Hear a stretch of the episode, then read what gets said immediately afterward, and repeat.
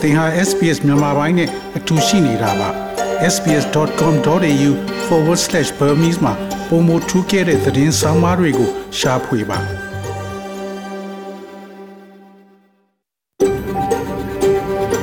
SBS A world of difference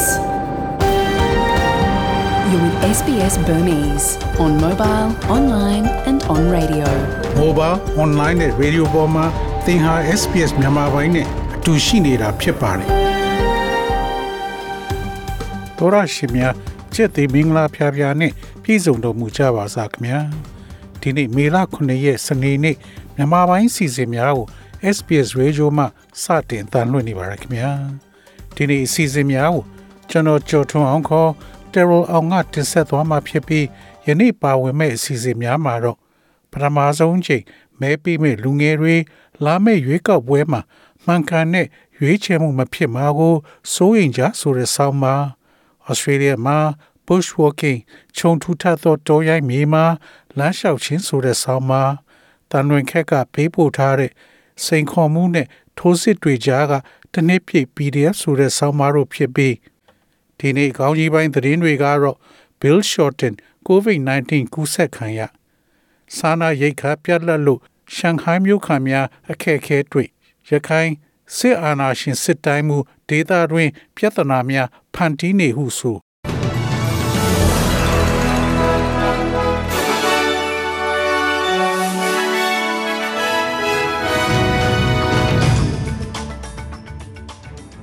ယခုချိန်ကစပြီးသတင်းများကိုကျွန်တော်ကြော်ထုတ်အောင်ကစတင်ဖတ်ကြားပါတော့မယ်။ Bill Shorten COVID-19 ကူးစက်ခံရ Labor ခေါင်းဆောင်ဟောင်း Bill Shorten သည် COVID-19 ကူးစက်ခံထားရကြောင်းစစ်ဆေးတွေ့ရှိခဲ့ပါတယ်။ NDIS နဲ့အစိုးရဝန်ဆောင်မှုများအတွက်ပါတီရဲ့ပြောရေးဆိုခွင့်ရှိသူသည်လက်ရှိခေါင်းဆောင် Anthony Albanese ပါဝင်ရွေးကောက်ပွဲမဲဆွဲကာလအတွင်း virus ကူးစက်ခံရတဲ့ Labor အမတ်တွေထဲကနောက်ဆုံးတစ်ယောက်ဖြစ်ပါတယ်။ Mr. Shorten သည် positive ရလဒ်ကို Twitter တွင်ကြေညာခဲ့ပြီး ယခုအချိန်သည် COVID-19 ကူးစက်ရန်အချိန်ကောင်းမဟုတ်တော့လေရွေးကောက်ပွဲမဲဆွယ်မှုရဲ့နောက်ဆုံးအပတ်အတွက်သီးသန့်ခွဲထားခြင်းမှလွန်မြောက်ရန်မျှော်လင့်ကြောင်းပြောကြားထားပါတယ်။သူသည်လူများကိုတဦးနဲ့တဦးဂယူးဆိုင်ရန်တတိပေးနေပြီးလူမှုရေးအရာခတ်ခွာခွာနေခြင်းပဒင်းပေါက်များဖွင့်ခြင်းနဲ့စစ်ဆေးမှု ပုံမှန်ပြုလုပ်ခြင်းကဲ့သို့သော virus ကိုကြိုတင်ကာကွယ်မှုများပြုလုပ်ရန် တောင်းဆိုထားပါတယ်။ခေါင်းဆောင် Anthony Albanese ကခေတ်တွေပြောင်းသွားပြီလို့ပြောပြီး rapid antigen test အခမဲ့ပေးမဲ့ဆိုတဲ့ Labor ရဲ့ဂရီကွေးတွေကိုဆွန့်လွတ်လိုက်တာဖြစ်ပါတယ်။စာနာရိတ်ခါပြက်လက်မှုကြောင့်ရှန်ဟိုင်းမြို့ခံများအခက်တွေ့တရုတ်နိုင်ငံတွင် ပြီးခဲ့တဲ့24နာရီအတွင်းဒေသတွင် COVID-19 ကူးစက်ခံရတဲ့အတည်ပြုလူနာ360ရှိပြီး၎င်းတို့အနက် 262ဦးသည်ရှန်ဟိုင်းတမြို့ထဲမှဖြစ်ကြောင်းအမျိုးသားချမ်းမာရေးကော်မရှင်က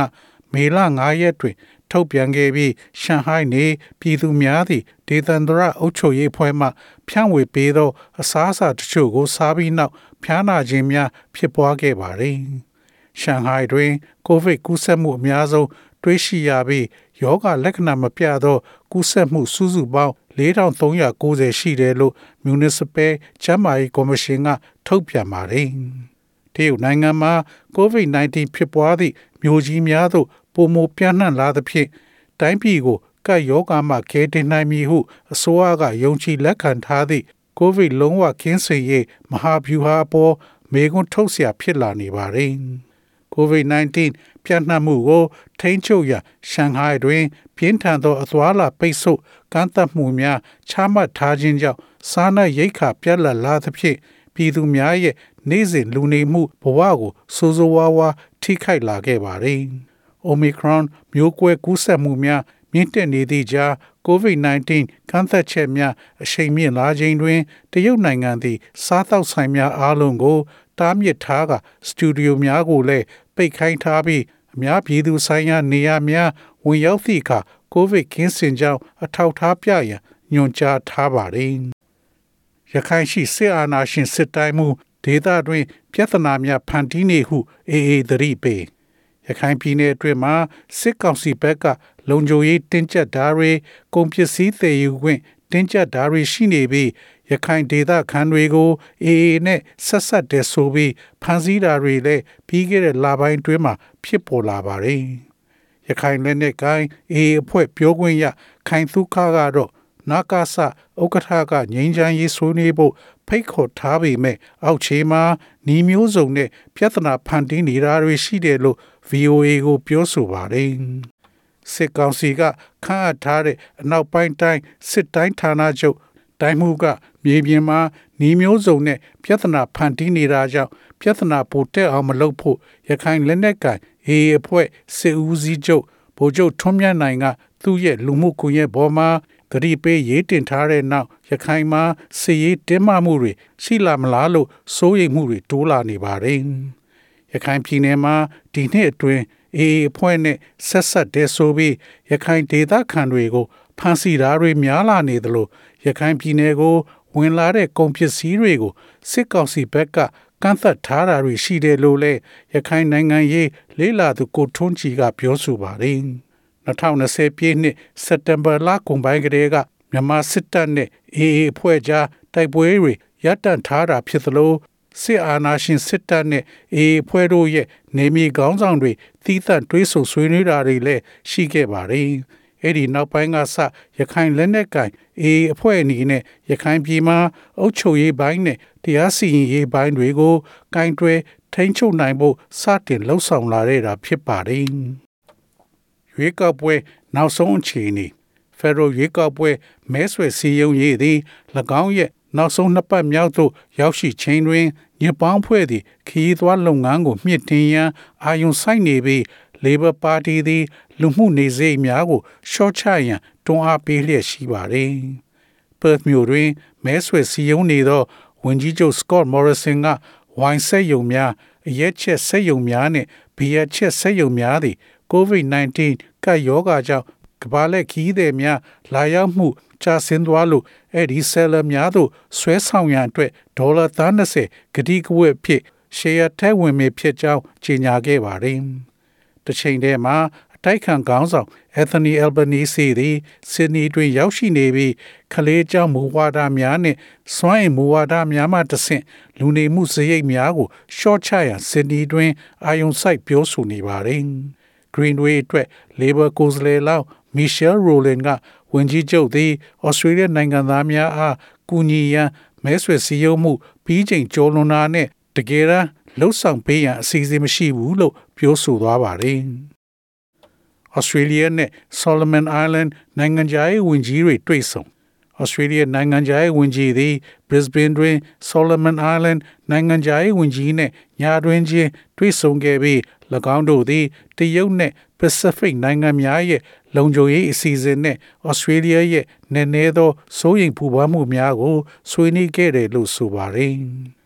သဘောတူညီချက်ကိုလက်မှတ်ရေးထိုးပြီးနောက်ပိုင်းဒါကဝင်ကြီးနှစ်ဦးပထမဆုံးချိန်တွေ့ဆုံဆွေးနွေးခြင်းလည်းဖြစ်ပါတယ်။ Solomon ဝင်ကြီးချုပ် Manasa Sogavara က၎င်း၏နိုင်ငံသည်တရုတ်နိုင်ငံနှင့်၎င်းရဲ့သဘောတူညီချက်အပေါ်ပြင်ပအင်အားကြီးနိုင်ငံများရဲ့ကျူးကျော်မှုဖြင့်ချင်းချောက်ခံရကြောင်း၎င်းရဲ့ပါလီမန်သို့ပြောကြားပြီးနောက်ထွက်ပေါ်လာခြင်းဖြစ်ပါတယ်။ အဲဒီပြောဆိုချက်ကိုတော့ဝန်ကြီးချုပ် Scott Morrison ကညှင်းဆိုထားပါတယ်။ခီးသွွားလုပ်ငန်းနှင့်ကုန်သွယ်ရေးဝန်ကြီးတီဟန်ကဩစတြေးလျသည် Indo-Pacific ဒေသတွင်လုံခြုံရေးအတွက်ရွေးချယ်စရာမိတ်ဖက်အဖြစ်ဆက်လက်ရှိနေဆဲဖြစ်ကြောင်း ABC သို့ပြောကြားသွားပါတယ်။ SBS SBS SBS SBS SBS This is SBS Radio. ငွေလဲနှုန်းမှာတော့ Australian dollar ကိုမြန်မာကျပ်ငွေ1317ကျပ်ရရှိပြီး American dollar ကိုမြန်မာကျပ်ငွေ1853ကျပ်ရရှိပါတယ်။ Australian dollar ဟာ American 80 cent နဲ့ညီမျှပါတယ်။မနေ့ဖြန် Australia တိုက်မှာရှိတဲ့မြို့ကြီးများရဲ့မိုးလေဝသခန့်မှန်းချက်ကတော့ Sydney မြို့မှာအပူချိန်21 degree centigrade ရှိမှဖြစ်ပြီးနေသားမှာဖြစ်ပါတယ်။ Melbourne မြို့မှာအပူချိန်16 degree centigrade ရှိမှဖြစ်ပြီးမိုးတစ်ဖြောက်နှစ်ဖြောက်ရွာသွန်းနိုင်ပါတယ်။ Brisbane မြို့မှာအပူချိန်23 degree centigrade ရှိမှဖြစ်ပြီးမိုးရွာသွန်းမှာဖြစ်ပါတယ်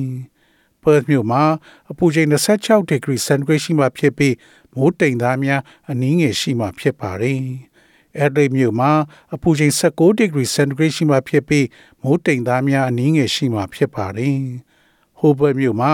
အပူချိန်15 degree centigrade ရှိမှဖြစ်ပြီးမိုးတစ်ဖြောက်နှစ်ဖြောက်ရွာသွန်းနိုင်ပါတယ်။ Canberra မြို့မှာအပူချိန်18 degree centigrade ရှိမှဖြစ်ပြီးများသောအားဖြင့်နေသားမှာဖြစ်ပါတယ်။ Darwin မြို့မှာအပူချိန်35 degree centigrade ရှိမှဖြစ်ပြီးနေသားမှာဖြစ်ပါတယ်။ဤတွင်သတင်းများကိုကြီးညာလို့ပြီးပါပြီခင်ဗျာ။